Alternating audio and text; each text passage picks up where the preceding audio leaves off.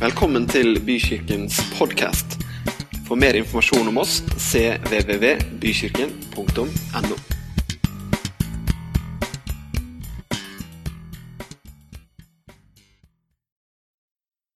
En riktig god søndag til deg som eh, sitter der hjemme, eller hvor du enn er, på en skjerm.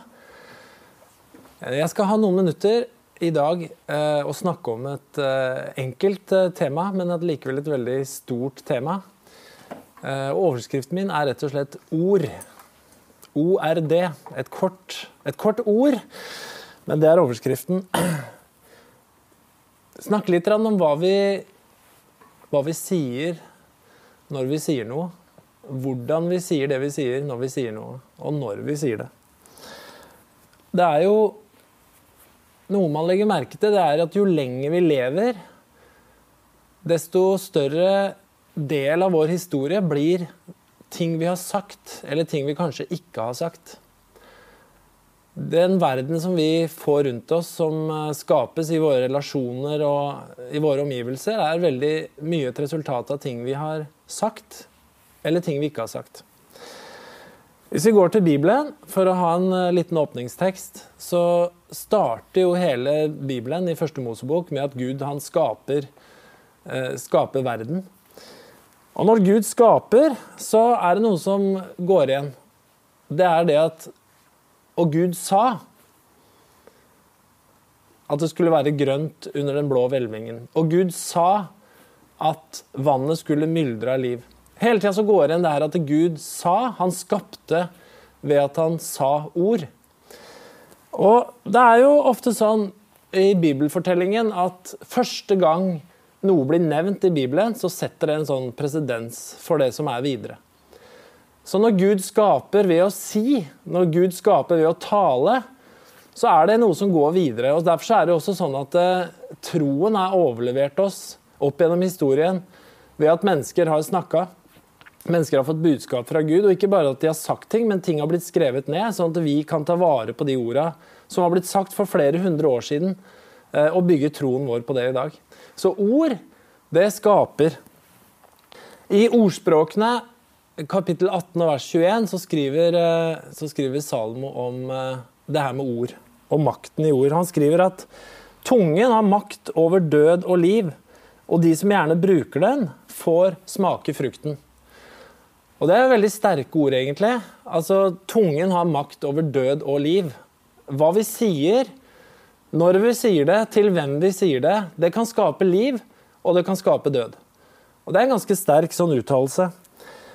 Eh, og jeg tenker at eh, det vi sier, det skaper, jo, det skaper jo noe i omgivelsene våre. Det skaper noe overfor de menneskene som vi, som vi er sammen med, som vi har med å gjøre gjennom livet. Men det skaper også noe i oss. For det på en måte bekrefter noe inni oss, kanskje en følelse, en holdning. Eller det kan også avkrefte. Jeg husker, eh, jeg husker, veldig godt, og det gjør sikkert alle som er foreldre, men jeg husker veldig godt når jeg fikk eh, eh første barnet vårt, eh, Philip. Da han ble født, så kjente jo jeg det som sikkert eh, de aller, aller, aller fleste kjenner. Nemlig at jeg elsker den gutten her. Og da var det etter hvert som han klarte å liksom, fange blikket ditt, og vi fikk kontakt, så begynte jeg jo å, å si akkurat det til han. Og til nestemann som kom òg, fordi det var det jeg følte. Jeg følte jeg elsker den gutten her. Og jeg sa det. Jeg elsker det. Jeg sa det, jeg vet ikke om jeg sa det hver dag, men jeg sa det i hvert fall veldig ofte. Um, og så ble på en måte det en god vane at jeg uttrykte det jeg følte. Og så tenkte jeg på et eller annet punkt når, når, mine barn var ganske små, at det her er faktisk viktig at jeg sier til dem. Ikke bare at jeg føler det, men at jeg forteller det. Jeg forteller at jeg elsker deg. Og så er det rart med det man har begynt å si.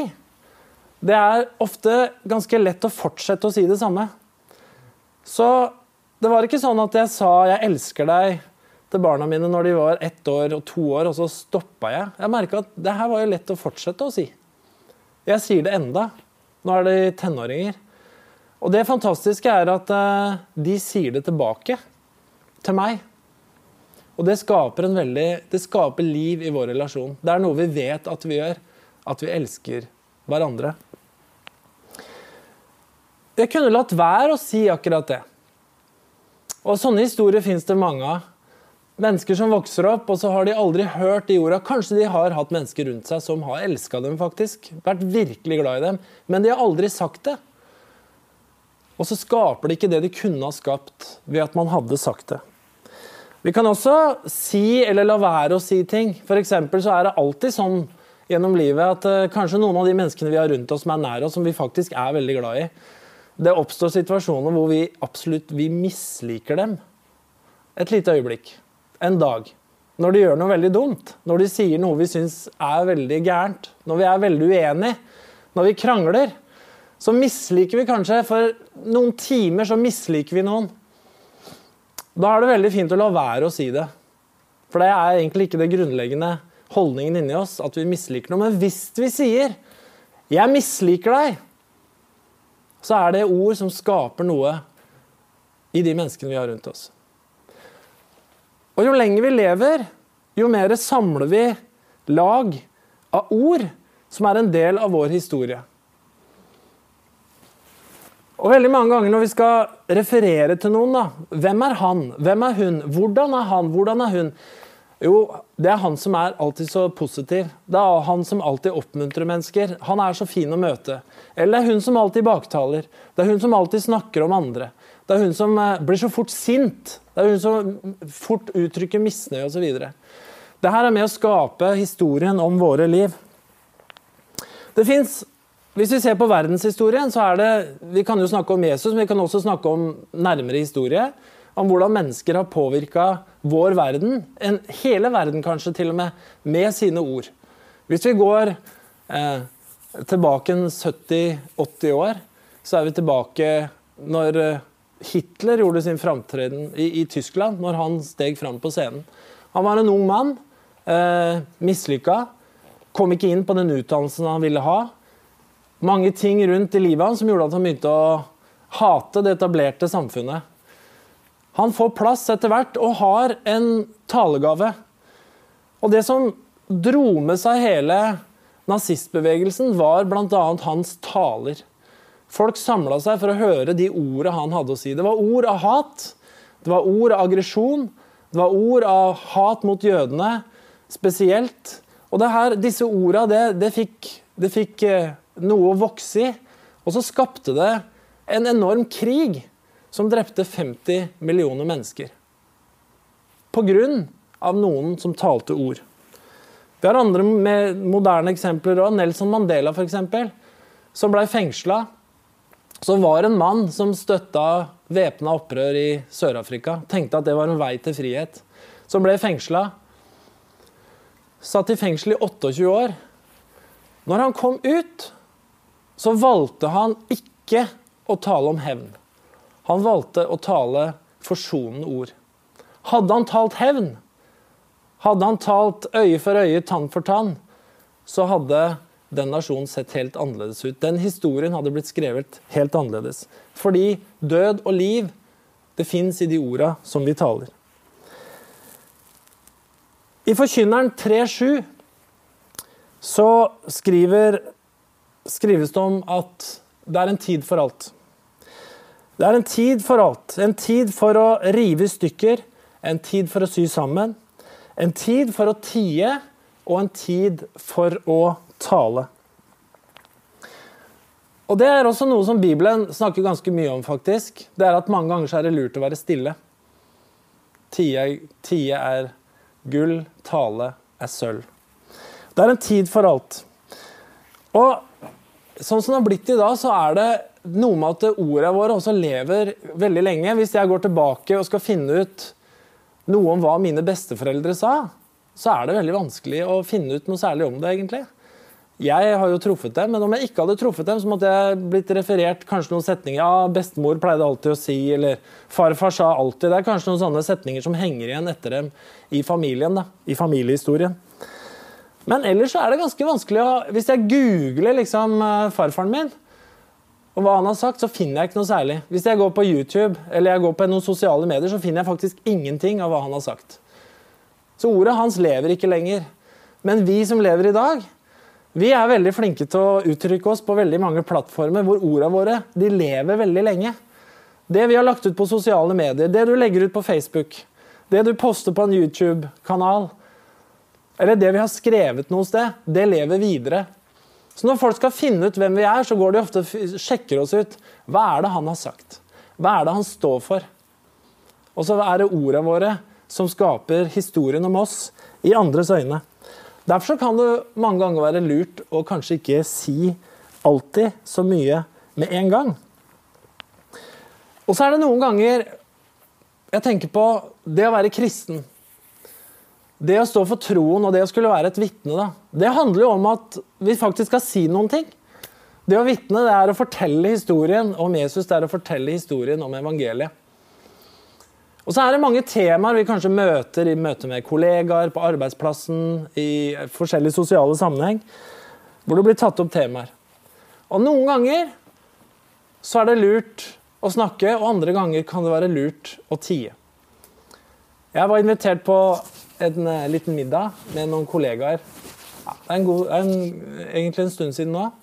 Men eh, mens vi satt og spiste, så var det en av de som var der, som eh, som hadde sett på et TV-program som sikkert en del kjenner til, som heter Åndenes makt. Det er et veldig alternativt program som tror på det åndelige, men det er nyreligiøst. Det, det, er ikke noe Gud, det er ikke noe Jesus, det er ikke noe ondt og noe godt, egentlig. Det er krefter og engler det snakkes om. Og disse, En av disse kollegaene begynte å snakke om det programmet. Og alle kommenterte, og alle prata. Og jeg kjente at jeg blei stille. Skal jeg si noe nå, tenkte jeg. For hvis jeg sier noe nå, så åpner jeg kjem, et kjempestort tema for meg. Fordi at det er så mye å si om det her, hvis jeg skal forklare hva jeg tenker om det. Så jeg sa egentlig ingenting. Og så gikk det en stund. Og det, pratet, det blei prata det blei prata det blei prata om det her. Og så sier hun ene plutselig stopper hun. Men du, Magnar. Du sier jo ingenting. Nei, sa jeg. Og det merker jeg at det syns jeg er veldig spennende. At du ikke sier noen ting. For da lurer jeg veldig på hva du egentlig tenker på. For det er noe du tenker på. Ja, sa jeg. Det, det stemmer jo, det. Ja, men hva er det, da? Ja, Skal vi begynne på det, da? sa jeg. Det kommer jo til å ta litt tid. Ja, ja, ja, det må vi. Det må vi gjøre, var beskjeden. Og da kunne vi begynne å snakke.